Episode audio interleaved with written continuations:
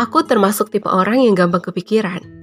Apa-apa dimasukin hati, dicuekin dikit langsung mikir, ya ampun, aku salah apa ya? Tapi sekarang, hal yang kayak gini gak perlu dibayangkan deh. Kalau kalian gak suka sama seseorang, please jangan buang energi. Kalau kalian gak mau lihat dia di sosial media kalian, kalian bisa mute aja, kalian bisa hide, atau bahkan kalian bisa block. Gak usah aja orang lain untuk ikut membenci orang itu. Musuh seseorang bisa semakin banyak hanya karena soal titip kata-kata yang awalnya terlihat biasa saja, justru berubah jadi negatif thinking semuanya. Ibarat awalnya kita nyediain apel, sampai ke orang lain udah jadi es buah aja, rawan banget kan? Stop deh ngajak orang untuk membenci orang lain. Stop juga untuk berusaha membenci. Karena efek positifnya juga nggak nemu ada di mana. Intinya, berdamailah sama apa yang kita lalui.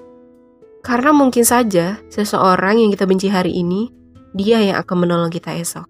So, forget about the burden on your feelings.